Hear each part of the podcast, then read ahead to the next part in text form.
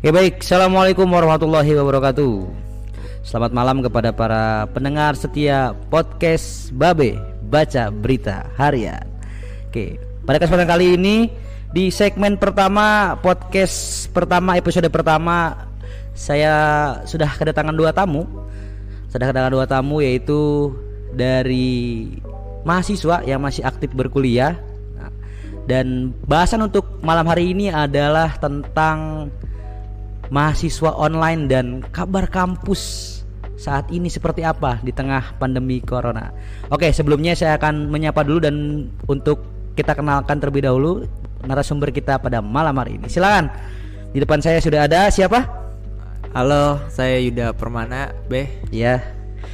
dari angkatan 2020 jurusan Pendidikan Sistem dan Teknologi Informasi. Oke. Oke. Selanjutnya? eh, perkenalkan juga saya Edo Susiro Maulana dari PSTI juga sama angkatan 19. Oke. Gimana kabarnya berdua nih? Baik semuanya ya? Alhamdulillah. Alhamdulillah. Ada Luar yang biasa Allahu Akbar. Ah, tutorial masih inget ya? Masih dong. Ini nggak ada yang ini ya, nggak ada yang Om Imron ya? Alhamdulillah. Ada yang kena covid covid Belum Om- dan Om- jangan oh, sampai jangan sampai Iya, ya. Oke, di tengah-tengah pandemi kali ini teman-teman mahasiswa nih, saya mau coba menyapa atau istilahnya apa ya, mencari tahu lah gitu. Gimana sih di kampus eh, saat ini gitu, kabar kampus saat itu kayak gimana gitu. Ada hal apa gitu, ada hal hangat apa gitu. Yang mungkin teman-teman bisa ceritakan kepada teman-teman lain yang yang masih di rumah kan tadi mahasiswa yang online di rumah nggak bisa ke kampus. Gimana nih kira-kira? Boleh dari Yuda terlebih dahulu. Ya, eh, keadaan kampus saat ini ya dengan eh, tingkat apa namanya eh, yang beberapa semester lalu tuh sempat disinggung bahwasannya semester ini bakal offline gitu. Iya.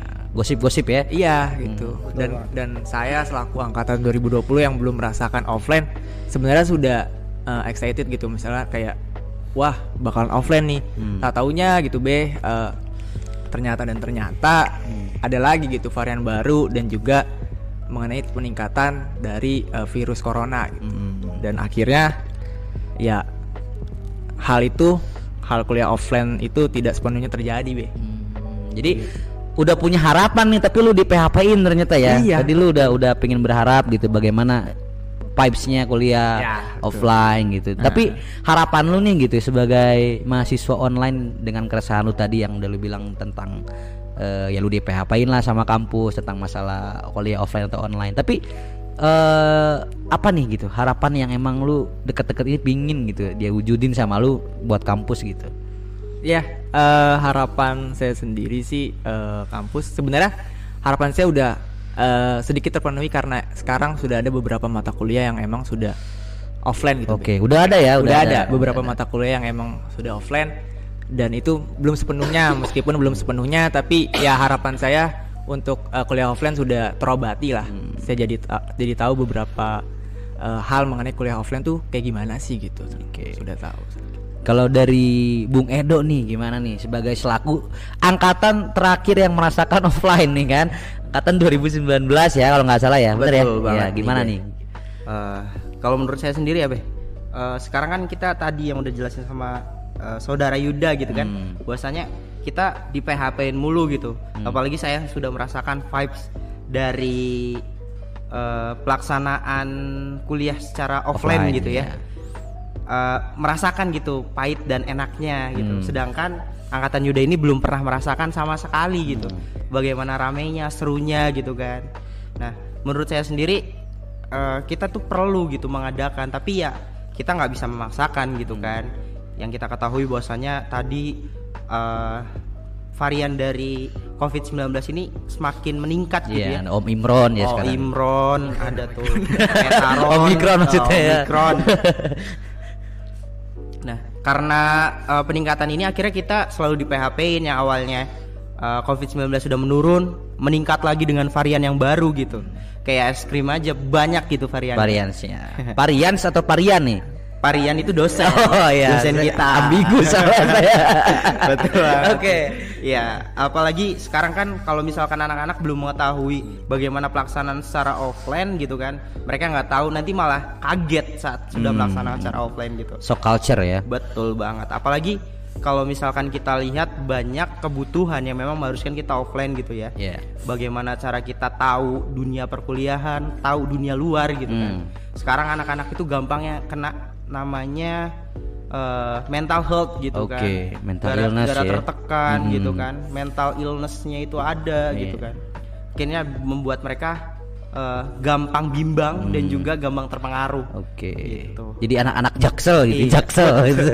Kalau anak jaksel mah yang punya kata-kata yang luar biasa gitu. Eh, Nah, jadi gue tangkap dari lu berdua kalau apa ng- ngomong tentang ya tadi mahasiswa yang punya harapan buat offline, teman-teman lain juga yang emang istilahnya apa ya terkontaminasi juga gitu mentalnya kan gitu. Banyak Benar hal- banget. hal-hal yang emang jadi apa ya tolak ukur seorang mahasiswa. Apalagi kan sekarang juga banyak program-program ya kayak kampus mengajar kampus Betul. merdeka dan sebagainya yang kalau dari sisi pribadi gua gitu sebagai mantan seorang aktivis gitu yang istilahnya sering berkecimpung di, di organisasi Banyak ternyata eh, jadi apa ya jadi gue lihat jadi apa ya mungkin salah satu mungkin ya ini opini gue jadi apa ya jadi meminimalisir eh, kader-kader organisasi itu jadi sibuk ke akademisi. Lebih ke akademisi mungkin ya tapi nggak tahu tuh. Betul. nah t- jadi jadi hal yang emang menurut gua wah ini gimana nih mahasiswanya online akhirnya banyak program. Bagus sih sebenarnya cuman kadang juga perlu yang namanya eh, menjalankan roda organisasi kan tetap Betul, perlu betul gitu. kalau dari tanggapan kalian berdua nih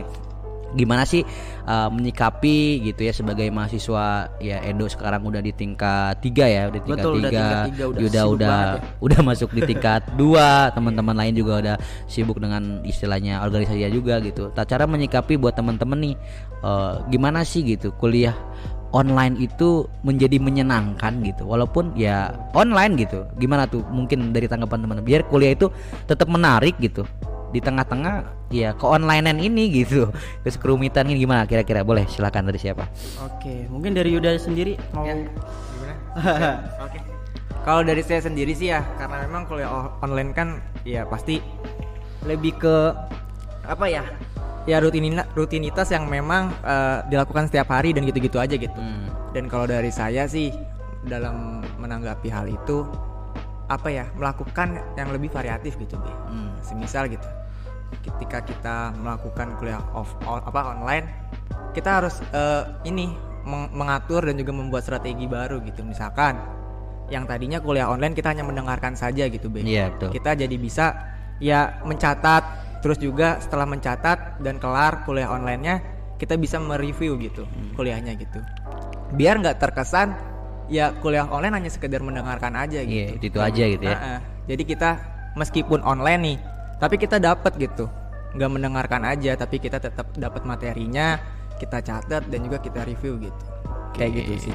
dari Bung Edo gimana nih tanggapannya Oke, eh, betul banget gitu ya. Jadi kita harus punya yang namanya strategi baru gitu kan, sesuai dengan keadaan. Kita harus bisa berkembang dengan keadaan yang ada. Kita nggak bisa memaksakan kemauan kita dan keinginan kita dengan situasi yang berbeda gitu. iya iya Nah, mungkin tadi strateginya benar.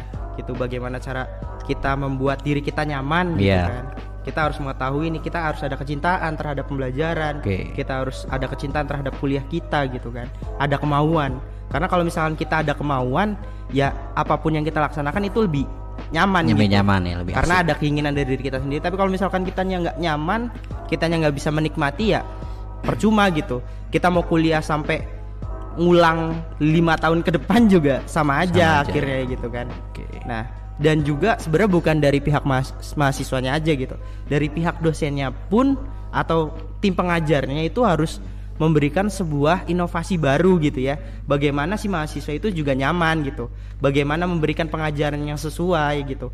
Sudah tahu pelaksanaan secara online tetapi si pengajarnya itu monoton. Akhirnya ya keminatan kita juga menurun betul gitu. betul betul Jadi harus ada ikatan dan berkesinambungan gitu antara si mahasiswanya dan tim pengajarnya juga. Oke, gitu. jadi gue bisa simpulkan dari tadi kalian berdua ngomong ada hal yang memang dari internal atau dari internal dari diri kita sendiri gitu ya sebagai mahasiswa. Tadi Yuda bilang ya dari kita variasi tentang masalah pembelajaran seperti tadi mencatat, mereview. Jadi implementasi bukan hanya sekedar mendengarkan ceramah dari dosen aja.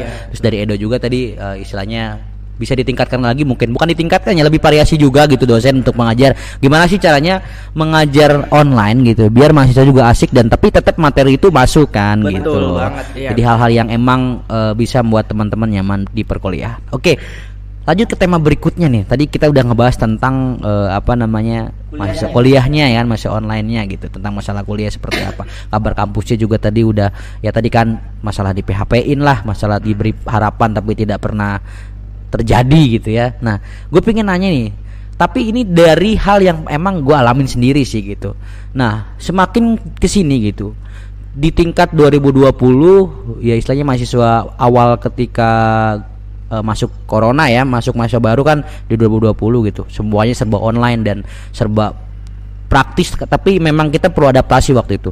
Nah, masih agak sedikit mending gitu ketimbang angkatan 2021 menurut gua ya ini opini gua gitu ya. Iya.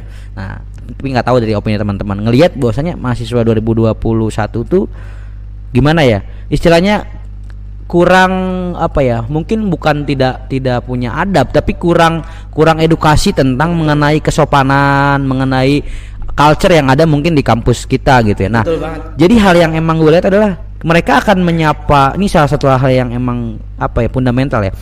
Ketika ketemu cutting atau ketemu teman sebaya atau ketemu yang lebih tua dosen dan sebagainya ketika mereka itu tuh apa ya menyapa gitu Eh, ketika mereka jalan tuh tidak pernah menyapa kepada orang yang emang nggak kenal gitu dulu gitu dulu gue cerita dulu nih ya dulu itu ketika lu nggak kenal sama siapa itu tetap sama mahasiswa siapa pun yang lu kenal tuh nyapa punten kang atau punten ya gitu misi atau gimana gitu sekarang ya lu jalan-jalan aja gitu. Lu pergi-pergi aja gitu. Nggak tanpa ada hal yang istilahnya apa ya? Istilahnya kesopanan itu mulai luntur gitu. Yang diterapkan di apa ya ospek pertama ya di mukaku ya 5S kan. Jadi senyum salam sa- apa sopan santun gitu. Ya nggak itu agak kurang gitu. Malah jadi sopan santuy gitu. Jadi jadi santuy gitu jatuhnya. Jadi enggak jadi kurang ada Rasa apa ya sebenarnya bukan untuk menghargai Iya. bukan ingin dihormati. Tapi kan secara lumrahnya kita sebagai orang yang istilahnya lebih dulu gitu kan. Mengetahui Iya, ya. lebih dulu hidup di kampus gitu. Itu lebih alangkah lebih indahnya gitu kan. Benar. respect gitu kepada kakak tingkat. Kita juga respect ke adik tingkat gitu. Minimal tadi gitu. Jangan cuman mau kalau gue bahasa apa ya? Jangan cuman mau dikenal. Tapi, harus, juga mau, harus mau mengenal gitu ya. iya jangan lu nyapa ketika lu kenal oh ini Kang Yuda. Misalkan oh dia tuh ketua himpunan gitu. Yang disapanya ketua himpunan aja. Iya. tapi staf-staf lain atau mahasiswa-mahasiswa biasa yang emang apalagi satu prodi. Ya kalau kita kan lintas prodi mah biarin lah gitu. Agak-agak mungkin agak susah juga gitu. Tapi antar prodi gitu misalkan kadang juga suka miris gitu ngelihatnya. Ya mungkin ini adalah faktor dari online tadi. Nah kalau menurut teman-teman nih nanti mudah-mudahan gitu kalau misalkan terjadinya eh, kuliah offline seperti biasa gitu. Apa nih kira-kira? Kalau teman-teman masih ada di kampus ya kita Iya. nggak tahu kan Om Imron ini Iya, sampai kapan gitu. banget nih. Tahu-tahu kita udah lulus. iya kan dia tahu-tahu gue juga kan goblok gitu. Tahu tahu-tahu udah lulus aja gue habis udah kan. Nah makanya yang yang harus apa ya teman-teman nih kira-kira nih kalau misalkan teman-teman masih ada di kampus gitu dan kuliah kembali offline apa nih kira-kira yang akan teman-teman eh, berikan edukasi tentang hal tersebut gitu? Atau mungkin eh, teman-teman mau memberikan apa nih terlebih dahulu gitu kepada adik-adik tingkat yang emang belum pernah nih ngerasain offline. Silakan gimana? Ya gitu ya eh, seperti yang kita bahas barusan bagaimana mereka bisa mengetahui kalau misalkan mereka nggak ada di situnya Iya. gitu. Karena mereka tidak pernah melihat bagaimana eh, citra sebelumnya gitu. Karena mereka hanya stay di rumah gitu. Mereka tidak mengetahui dunia kampus yang tadi yang kita bahas bahwasanya dunia kampus itu sebuah dunia yang besar gitu betul betul adanya etika, adanya pemahaman tentang tata krama Iya. yang memang harus dipahami oleh mereka gitu. Dan saya yakin nanti pas lagi kita melaksanakan offline gitu ya, tiba-tiba offline di waktu dekat tiba-tiba kita langsung offline. Mereka pasti bakal kaget gitu. Mereka bakal banyak ngeluhnya. Mereka bakal kayak aduh ini kenapa sih? Iya, betul. Gitu kan. Karena mereka nggak tidak mengetahui gitu ya. Iya. Nah ya tadi langkah utama kita ya kita memberikan pemahaman. Kita walaupun secara daring kan kita juga bisa ngobrol gitu ya. Kita sekarang kan ada aplikasi penunjang kayak ada Zoom. Hmm. Iya, gitu kan. betul, Zoom, Apalagi buat ya. pelajaran gitu kan ada Jimit gitu kan yang membantu kita untuk bisa tektok tapi secara online gitu oke kan. oke Nah, jadi eh, dengan seringnya kita ngobrol gitu kan pada mereka berikan pemahaman gitu. Apalagi kalau misalnya kita bahas pengkaderan, Betul. dari pengkaderan itu kita memberikan pemahaman. Tapi banyaknya pe- eh, pengkaderan di mata mereka itu merupakan siksaan gitu. Wih, serem gitu Iya, ya. Serem pokoknya. Yang namanya pengkaderan itu pokoknya nyiksa dan gak bakal mau. Padahal dari pengkaderan itu ya kita mengetahui. Iya. Pas lagi kita udah merasakan, kita baru memikirkan, oh ternyata gunanya pengkaderan tuh ini gitu. Tapi kadang-kadang itu suka terlupakan karena mereka sudah takut duluan bahwasanya eh, positif thinkingnya mereka itu udah nggak ada, negatif thinking yang Udah, ada. udah jiper duluan Iya, ya. Padahal gue juga nggak lulus mau kaku. itu karena mentalnya gitu udah down duluan gitu Iya. sebelum memulai gitu ibaratnya kita belum perang tapi sudah menyerah Udah duluan kalah gitu. duluan ya, udah perang kalah udah- duluan Hmm, betul jadi itu harus berikan pemahaman terhadap mereka kita harus banyak sharing gitu Hmm. apa sih yang harus mereka lakukan sebagai mungkin saya sendiri ya yang mungkin sekarang udah tingkat tiga saya harus berikan pemahaman terhadap adik-adik saya gitu Betul. apalagi di satu prodi Iya, bener banget. pemahaman bagaimana sih tata kerama mereka gitu apa yang harus mereka lakukan kadang juga ada beberapa dosen yang menyindir gitu kan Waduh, gimana tuh? seakan-akan kita tidak mengajarkan adik-adik kita itu tata krama gitu Iya, padahal adik tingkat Iya, sendiri yang adik kita oh. sendiri yang memang sulit gitu Sulit kan ya. susah sekali gitu Iya. diberikan pemahaman gitu Gimana Bung Yuda tadi tanggapannya nih?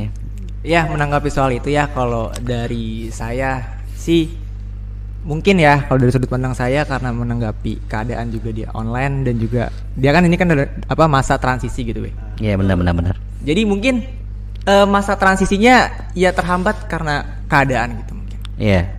Karena mungkin dia udah mele- melewati berbagai macam pengkaderan gitu. Karena kan di pengkaderan kan bukan hanya tentang eh, pengenalan kampus dan segala macam gitu. Iya. Tapi kan di situ ada pem- pemahaman mengenai aspek etika juga Iya. gitu. Juga aspek eh, kepribadian dan juga eh, kepemimpinan gitu, kurang lebih.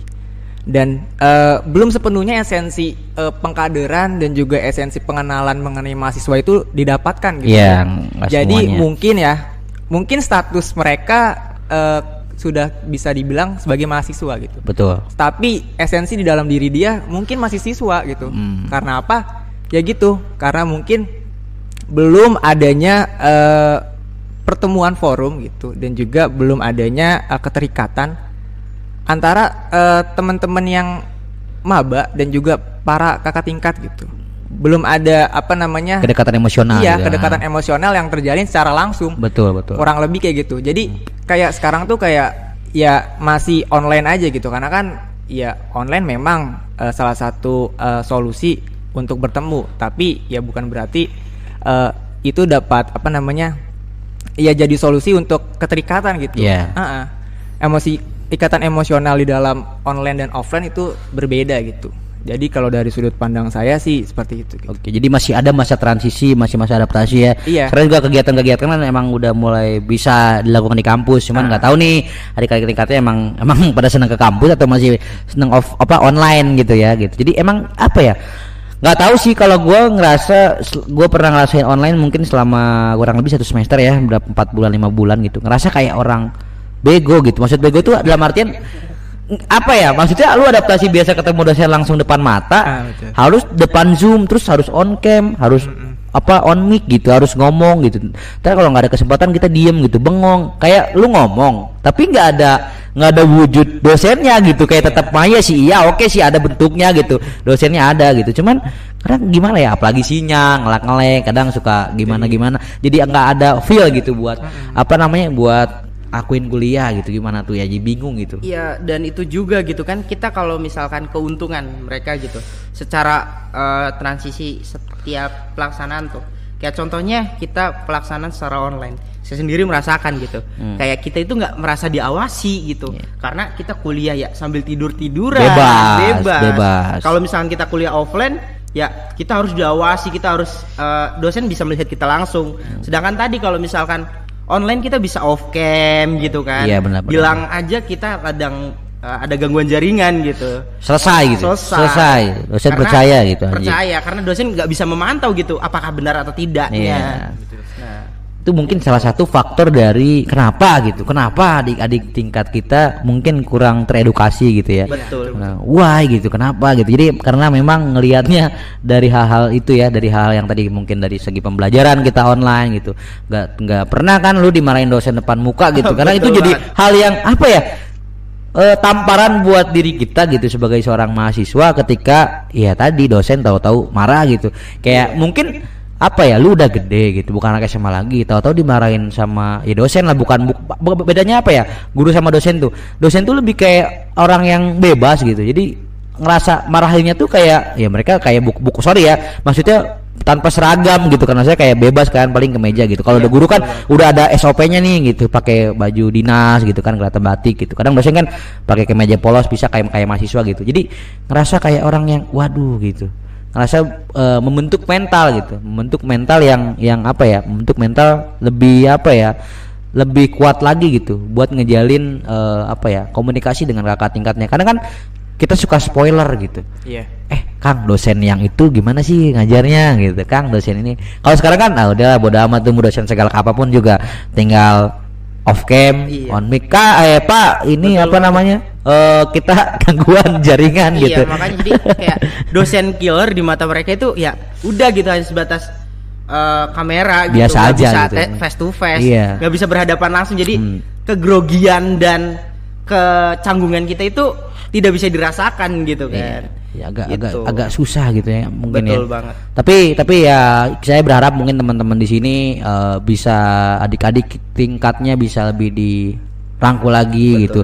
Pun nggak nggak semua angkatan maksudnya semangat ya, semua prodi gitu. Mungkin teman-teman bisa bergerak di eh, apa di organisasinya kan. Kita sering ngumpul Iya. bareng, teman-teman bisa ngumpul bareng. Silakan eh, di situ bisa lu edukasi lah sebagai kakak tingkat yang emang ya peduli gitu. Kadang juga ada kakak tingkat yang anjing bodo amat lah lu kakak adik tingkat tuh mau sopan mau enggak bodo amat bukan urusan gua gitu. tapi kadang kan orang-orang kayak ya teman-teman mungkin ya Edo Yuda yang emang peduli gitu sama kampus peduli dengan adik tingkatnya ya saya rasa eh, apa ya akan jadi hal yang apa ya jadi hal yang nggak enak dilihat ketika lu berdua nggak nggak bisa ngasih edukasi gitu ke teman-teman atau ke adik-adik tingkatnya gitu. Jadi hal yang lucu. Mudah-mudahan sih ya mudah-mudahan bisa cepat-cepat offline ya Amin. bisa cepat offline For your info juga walaupun kuliah belum offline gitu, kita eh, ada beberapa mahasiswa yang memang mempunyai cinta gitu, keras keresahan yang sama gitu. Oke. Mereka tetap ada, kayak mereka tetap ngekos dan mengetahui memantau gitu keadaan kampus sebenarnya seperti apa gitu. Oke. Dengan mereka yang punya niat tapi sedikit gitu ya. Mempunyai niat bahwasanya ah saya lebih ingin tahui gitu. Hmm. Bagaimana sih kampus gitu. Bagaimana sih kita mengetahui eh, cara kerja di kampus itu ya mereka hadir, mereka Hmm. datang ke kampus mereka gitu. Mereka datengin kakak tingkat yang memang ada gitu Iya, yang memang betul, hadir, masih mempunyai kecintaan gitu. Apalagi kayak orang-orang organisator ya sudah dipastikan bahwasanya mereka itu walaupun keadaan offline online gitu seperti sekarang, mereka selalu stay gitu dengan eh, kerjaan gitu, tetap mem- apa melaksanakan kegiatan di eh, di era pandemi sekarang gitu. Iya iya. Tapi apa ya? Ada beberapa mungkin mungkin ya mungkin gue masih mungkin tapi Iya, tapi gua be- ada beberapa informasi yang istilahnya. Tapi emang bener sih, bukan informasi misalnya bener sih. Kadang-kadang ku- perkuliahan tuh apa ya? Jadi ajang ini ya, ajang-ajang cari jodoh gitu ya. Apalagi lagi lagi lagi online gini gitu. Kadang-kadang ada-ada aja gitu ya. ya. Maksudnya sih. kuliah bebas ya kan lu mau kuliah mau enggak absen aja gitu nggak usah tipsen anjing udah absen aja absen dulu kan harus tipsen nih kalau sekarang absen aja gitu tahu-tahu ah saya lagi pak saya maaf lagi di luar gitu padahal lagi jalan sama cewek. Kadang-kadang gitu. Tapi bener nggak sih maksudnya gini ya kalau menurut pribadi gitu dari lu berdua gitu eh apa sih gitu perbedaan eh, mungkin nggak tahu ya gue nggak tahu lu udah pernah pacaran apa belum nih ya? Ini gue kita bahasnya agak sedikit ke percintaan di masa perkuliahan ini. Boleh, karena boleh. karena lagi lagi online nih gue pengen tahu gitu cara komunikasi kalian dengan lawan jenis kayak gimana. Karena juga termasuk ke dalam uh, kedekatan emosional kan? Kita harus kerja- bekerja sama dengan dengan uh, teman-teman yang lain juga nggak cuma cowok doang gitu.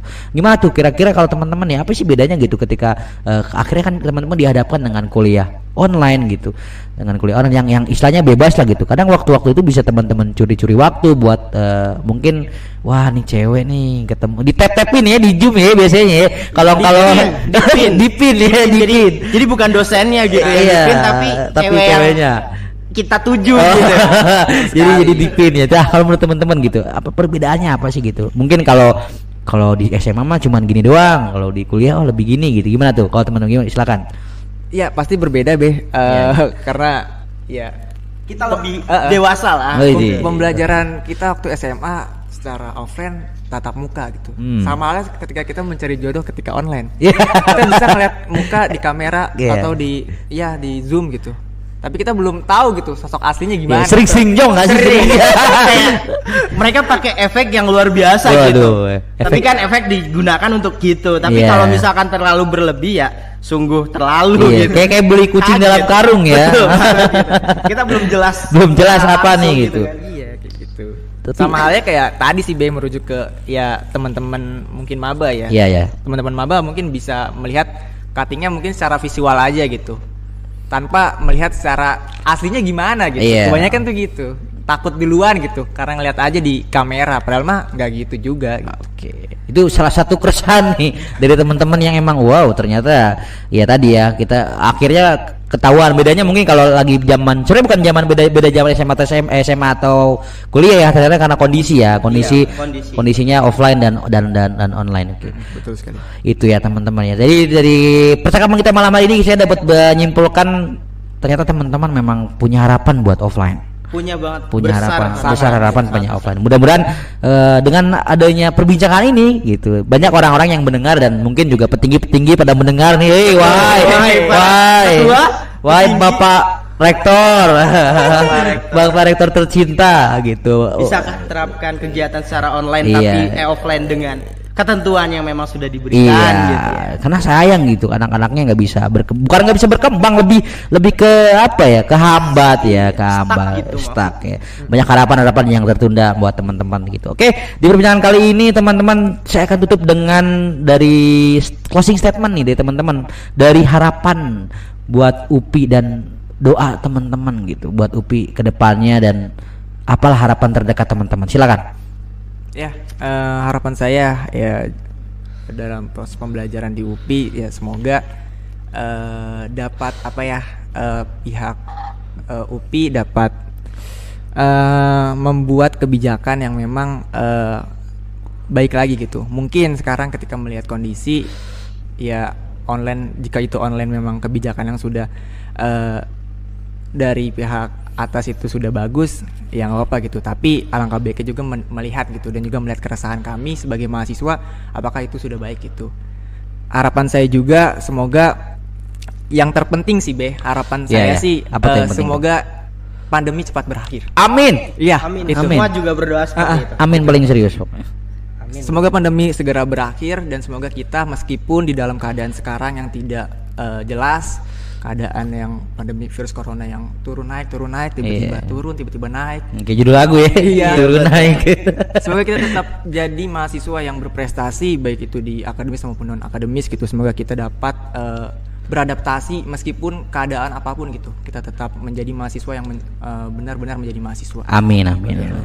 Silakan Bung Edo gimana? Eh, betul banget tadi kata Bung Yuda ya bahwasannya kalau misalkan di era sekarang kita harus bisa eh, menempatkan diri kita gitu. Kita harus menjadi orang yang memang bisa menjadi bunglon gitu. Kenapa dikatakan bunglon? Ya kita bisa sesuai dengan kondisi yang memang kita rasakan gitu. Adaptasi ya. adaptasinya kita harus bisa gitu. Dan tadi benar kita harus menjadi mahasiswa yang memang mahasiswa gitu. Bukan hanya titelnya saja mahasiswa tapi kelakuan masih anak SD gitu ya.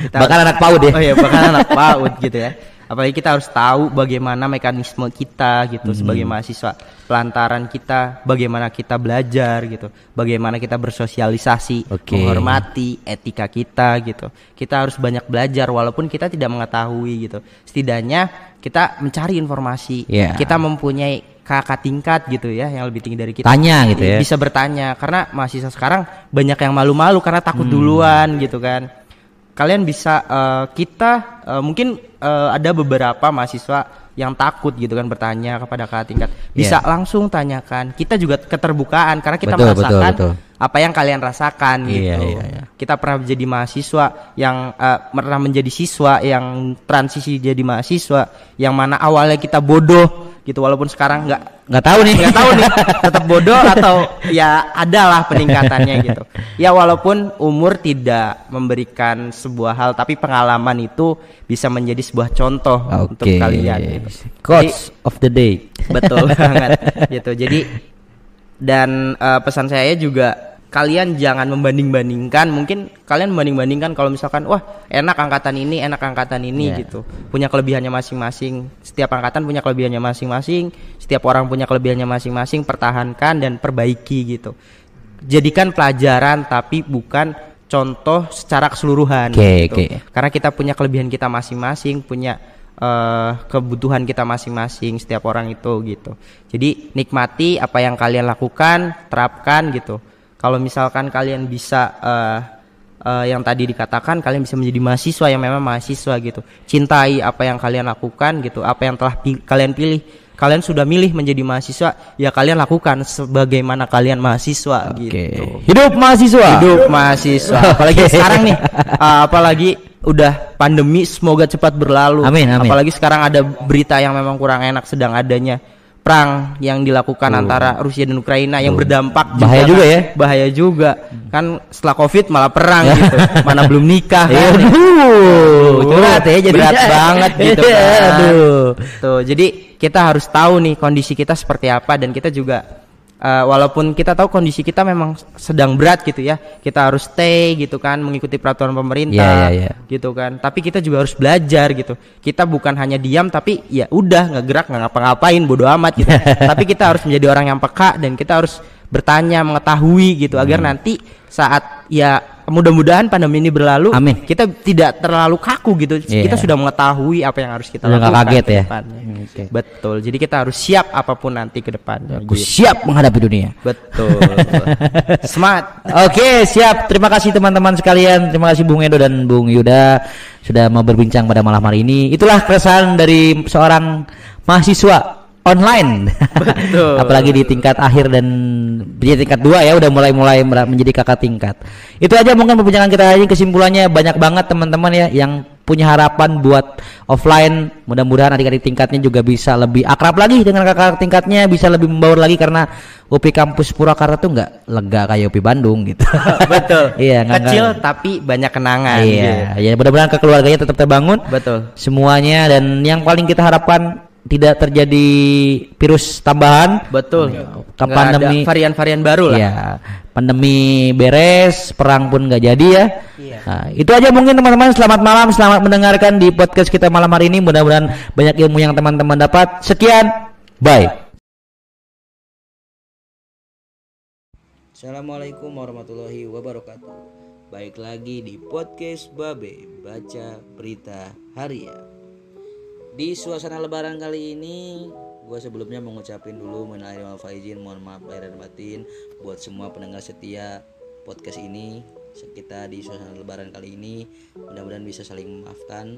Oke dari gua mohon maaf lahir dan batin bila ada salah-salah kata perbuatan dan semuanya yang sengaja maupun tidak sengaja. Oke pada kesempatan kali ini gue akan sedikit membahas tentang pembahasan mengenai circle pertemanan. Waduh. Kayak mungkin lu semua apa ya cukup familiar dengan apa pembahasan ini karena gue yakin lu semua yang ngedengerin podcast ini pasti punya circle pertemanannya masing-masing kan nggak mungkin dong lu berteman kecuali mungkin adalah walaupun seintrovert introvertnya apa ya lu lah gitu semua kalian pasti punya satu atau dua lah teman gitu. Ya minimal kali kalau berdua ya itu juga termasuk ke dalam circle pertemanan gitu. Cuman kadang-kadang ketika ada di circle pertemanan ini kita itu masih selalu apa ya kadang masih sering musuhan. Ya namanya juga temenan kan pasti ada musuhan ada yang namanya apa bertengkar salah paham adu argumen karena sejatinya hubungan itu kalau lurus-lurus aja tuh nggak asik ya kan? Tapi apa ya banyak fenomena-fenomena fenomena-fenomena baru yang gua ngerasa bahwa sikap pertemanan ini kan kalau bahasa anak apa jakselnya kan circle yang toksik gitu. tapi yang gue garis bawahi adalah gue punya pengalaman dengan circle pertemanan gue gitu. Banyak lah yang memang mereka itu akhirnya memprioritaskan pasangannya gitu. Dalam artian ketika dia udah punya pacar lupa nih sama circle-nya. Bukan lupa ibaratkan prioritasnya berkurang atau mengutamakan temannya kurang. Sedangkan dari rasa saling bersama gitu. Kebersamaannya itu kan sama teman gitu. Ketika sakit kadang kan dulu yang nemenin kan pasti teman gitu. Ya walaupun kita pasti masih ya beberapa mungkin dari kalian yang masih tinggal dengan orang tua. Cuman ya tadi gitu. Banyak teman gue yang ketika udah punya pasangan dan gue juga nggak menyalahkan itu karena itu hak dari setiap individu gitu. Cuman kadang gue ngerasa ada yang berubah ya gitu di circle pertama ini. Kayak contoh mungkin dulu gue kenal sama teman SMP banyak mungkin dari kalian juga banyak teman di SMP ketika memang lingkungannya tidak mendukung atau dalam artian kita kalian sudah beda alma mater di SMP naik ke SMA ya tadi prioritasnya juga kan untuk bertemu kurang akhirnya pisah dan akhirnya punya teman baru. Nggak apa-apa tapi satu rame tetap jalan. Cuman ya tadi karena emang lingkungan tadi tidak e, mendukung kita untuk bersama ya akhirnya circle pertemanannya pun jadi makin lama makin berkurang eratnya gitu. Sama pun SMA bahkan sampai kuliah gitu. Dia itulah circle pertemanan yang menurut gua kadang teman itu ya banyak lah bahasanya. Teman kadang masuk dari belakang teman kadang ngomongin. Ada aja sih pasti. Ya namanya juga ada yang namanya circle gitu atau lingkaran pertemanan. Mungkin menurut kalian pertemanan atau teman itu harus dipilih-pilih ya? Walaupun memang pada intinya kalian akan bertemu dengan banyak orang di luar sana di lingkungan kalian entah dari teman di lingkungan entah teman dari kuliah gitu cuman ya tadi zaman sekarang harus banget sih kalau menurut gue buat pilih-pilih teman awalnya juga gue sama berteman dengan siapa pun tapi pada akhirnya gue ngerasa ya harus ada yang dipilih gitu atau ada yang difilter. Oke gue kenal gitu cuman gue menganggapnya sebatas teman. Ada yang lebih tinggi lagi atau tingkatannya mungkin jadi seorang hmm, sahabat gitu teman ada kan teman dekat. Kalau di Instagram pre close friend gitu. Ya begitulah gitu. Dan yang jadi janggal tadi gitu. Kita nggak bisa memaksakan atau yang harus digaris bawah ya bukan yang janggal. Yang harus digaris bawah adalah jangan memaksa teman untuk atau ya orang yang dekat dengan kita harus terus bersama kita. Karena bahkan orang tua pun nggak mungkin selamanya bareng sama kita gitu kan. Pasti ada ada apa ya pasti juga ada waktunya gitu. Semua pun ada waktunya jadi makanya ya akhirnya gue punya kesimpulan bahwa kita nggak bisa di circle pertemanan kita harus selalu bareng selalu itu selalu ini karena mereka juga punya hak prioritas sendiri. Karena waktu dulu emang gue egois banget dulu punya teman SMA yang emang gue pokoknya semuanya harus kumpul semuanya harus bareng.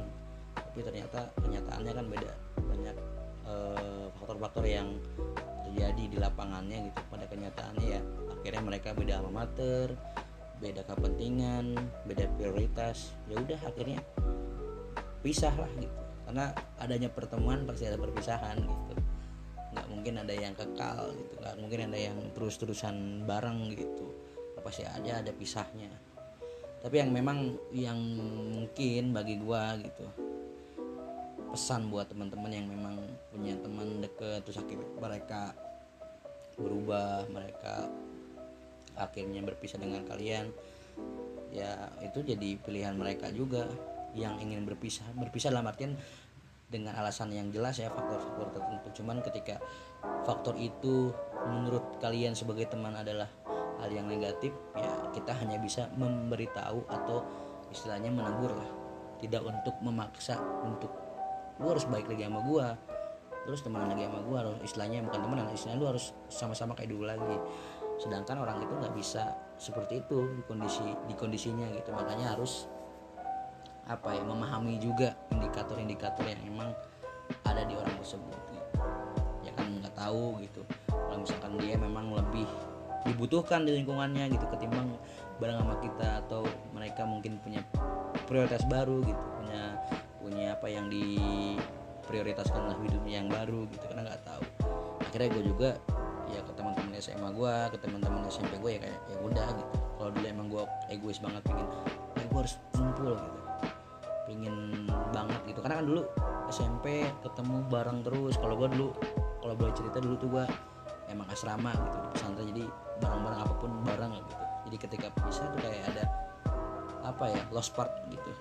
Ini enggak ada bagian yang hilang nih gitu dari kebiasaan-kebiasaan gua dulu gitu. mungkin kalian juga punya pengalaman yang menarik untuk diceritakan nanti boleh DM gua di Instagram gua Babi Baco. Nanti boleh di sana di komen atau di DM ya teman-teman. Untuk referensi juga buat gua nih siapa tahu ada cerita menarik atau ada tema tema menarik untuk tema selanjutnya. Nah balik lagi ke circle pertemanan.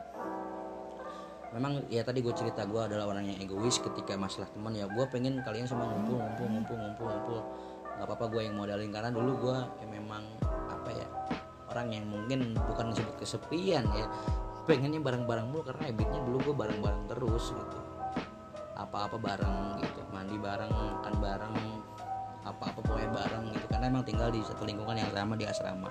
Makanya ketika gue akhirnya teman-teman gue yang lain gue beranjak ke SMA ke kuliah lah ke kuliah akhirnya gue harus meninggalkan circle gue di SMA ya ya gue awal-awal juga nggak nerima gitu.